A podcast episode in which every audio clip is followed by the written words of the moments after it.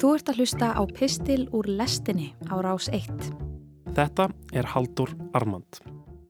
Í húsgarði á meginlandi Evrópu stendur fallegt og vinalegt kirsuberjatrija. Síð sumars, þegar berin eru full froskuð og hanga í seilingar fjarlægð niður úr greinunum, þá kemur upp þetta sama álitamál hjá íbúum húsins. Egu við að tína berin áður en fugglarnir fatta að þau séu hérna. Því svo kemur fuggl og tillir sér á grein, gæðir sér á beri og daginn eftir er hann búin að sækja vini sína sem ber hátta treð. Já, hver á rétt á því að fá þessi ber eiginlega? Er það sá sem fer með eignar réttarlegar heimildir yfir lóðinni sangamt lögum og þar með trénu? Eða eru það fugglar heimins? Vandamálið er að ég gæti farið út í gard og lesið upp úr lagasafninu fyrir fugglana en þeir myndu náttúrulega ekki skilja neitt hvað ég væri að tala um vegna þess að þeir skilja ekki tungumál manna. En segjum sem svo að þessir fugglar þarna í trénu myndu allt í einu geta skilið hvað ég væri að segja. Kæmi það einhverjum á óvart ef þeir myndu bara hlæja upp í opið geðið á mér. Ég sé fyrir mér svart þröst á grein, kjamsandi á kirsuberi, hlusta á útskýringar mínar á hugtakinu eignaréttur og svara mér svo Byttu við, er það sem sagt þannig að þið mannfólk eruð búin að búa til kerfi sem snýst um það að þið eignið ykkur lífríkið og haldið þess vegna að ykkur sé í sjálfsvald sett um það hvað þið gerir við það. Við þessu yrði ég auðvitað að segja já, lögum manna snúast jú meir og minna um þetta. Þau snúast um hagsmunni, réttindi og skildur manna og ganga jáfnframt út á því að náttúran sé þjótt þeirra. Þess vegna getur kirsuberjatré ekki átt aðild að dómsmáli eða lítill svartþröstur eins og þú.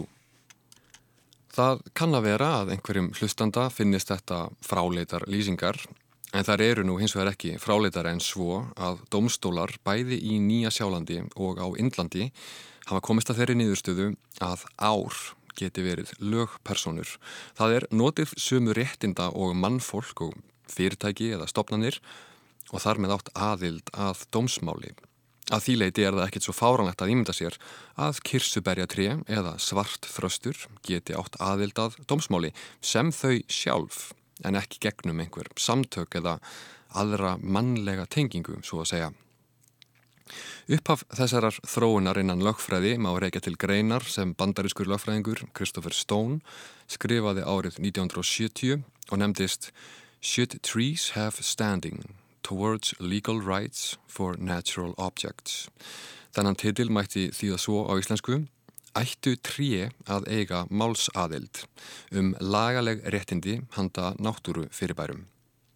Margir telja að þessi þróun sem vonandi er hægt og bítandi að smitast af jæðrinum og inn í meginströmin geti verið mikilvægt skref þegar kemur að náttúruvendur.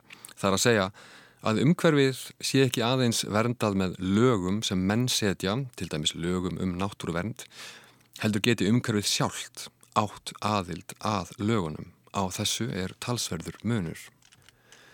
En vitaskuld vakna næstum því endalauðs áhugaverð álitamálum leið, allt of mörg til þess að hægt sé að fjalla ítarlega um þau í pisli sem þessum.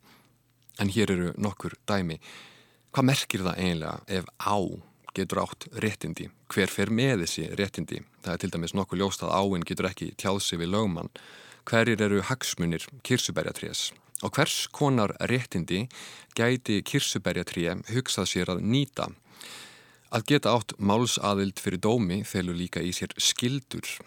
Getur við ímyndað okkur að kirsuberjatré beri einhverjar skildur, gagvart mér, eða svart þrestinum? Þetta er ekki bara einhver heila leikvimi, þetta eru spurningar sem þarf að velta fyrir sér til að geta átta sig fyttilega á því hvaða þýðingu það hefur að staðsetja náttúruna sem lög personu frammi fyrir domstólum. Ástæða þess að mörgum finnst framandi að ímynda sér læk sem aðila að domsmáli held ég að stafi fyrst og fremst af því að lögjöf og dómskerfi eru grundvölduð á þörfum manna sem og þeirri gamal grónu hugmyndafræði að náttúran sé ekkert nema eign mannsins. Það er Guð sjálfur sem gefur tónin strax á fyrstu síðum biblíunar þegar hann segir í fyrstu Mósebók verið frjósum, markfaldist og uppfyllið jörðina og gjörir ykkur hana undirgefna og drottnið yfir fiskum sjávarins og yfir fugglum loftsins og yfir öllum dýrum sem hrærast á jörðinni. Guð er þarna afdrátt á lausað venju. Líklega er það þess vegna ekki að ástæðu lausu að helstu nýlendu þjóðunar, England, Frakland, Þískaland, Portugal, Spátna og Holland eru ríki þar sem áhrif kristni og gýðingdóms eru mikil. En það hafa þau stuðlað að miklum náttúruspjöllum um viða veröld og þannig skapa sér mikinn auð. Vestrænir heimsbyggingar þróiðu síðar meir þessa hugsun lengra. Upplýsingin á átjóndöld stuðlaða því að hugmyndin um móður jörð sem felur augljóslega í sér vennsl manna og náttúru fór að þykja hallarisleg og í staðin var farið að líta á jörðina sem skiljanlega vél, svona eins og klukku sem skinnsemi manna geti tekið í sundur og sett saman að vild. René Descartes hafði sömulegis mikil áhrif með álektunum sínum um að lifandi verur, að manninum undanskildum auðvitað, væru flóknar en meðvitundarlausar vélar. Maðurinn væri eina lífverðan sem byggi yfir meðvitund og væri þess vegna einstakur í náttúrunni, en um leið í krafti þessa einleika aðskilin frá þessari sömu náttúru.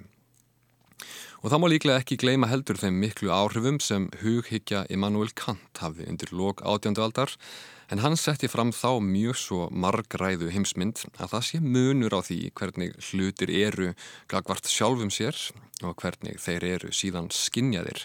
Jújú, kirsuberjatrið er til í einhverjum algjörlega lokuðum skilningi En það verður samt svo að segja ekki raunverulegt fyrir en það er skinnjað af skinnjanda, svona eins og hljómsveitarstjóri realiserar tónverk með því að veifa tónsbrota.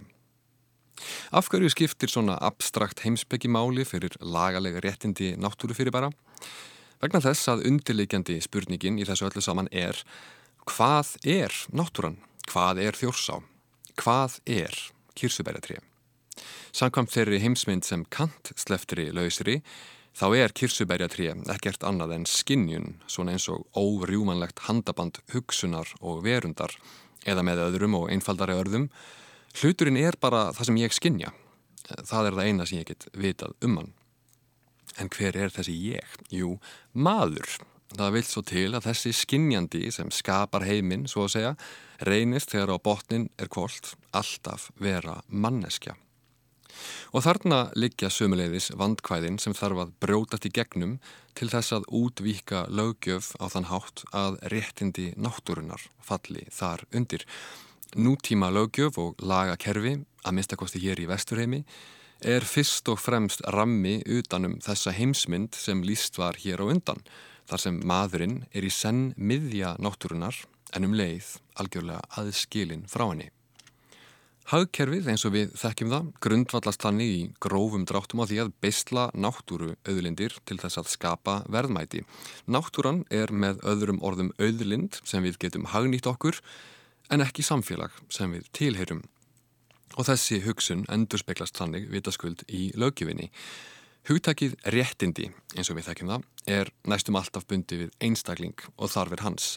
Mannréttindi eru þannig einstaklingsbundin réttindi Og þess vegna er mjög erfitt að sjá hvað það merkir einlega þegar domstólar veita náttúru fyrirbærum sömu réttindi og mennhafa líkt og gerðist í Indlandi.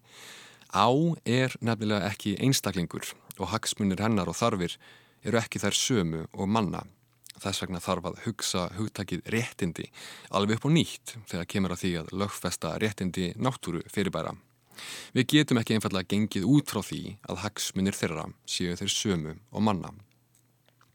Hverjir eru einlega hagsmunir kirsuberjatrés sem gott væri að geta varið fyrir dómi? Það eru ekki þeir hagsmunir að geta kært svart þröst fyrir meðirði eða egna réttalegar heimildir um að fá að selja sín eigin ber áður en fugglanir borðaðu. Nei, þeir eru einhverjir allt aðrir. Líklega eru mikilvægustu réttindin sem kirsuberjatré hefur þörf fyrir þau að fá að vera kirsuberjatré í friði. Við eigum þess vegna ekki að hugsa um það eins og einstakling heldur sem hluta af heild, samansapn af náttúrulegum venslum.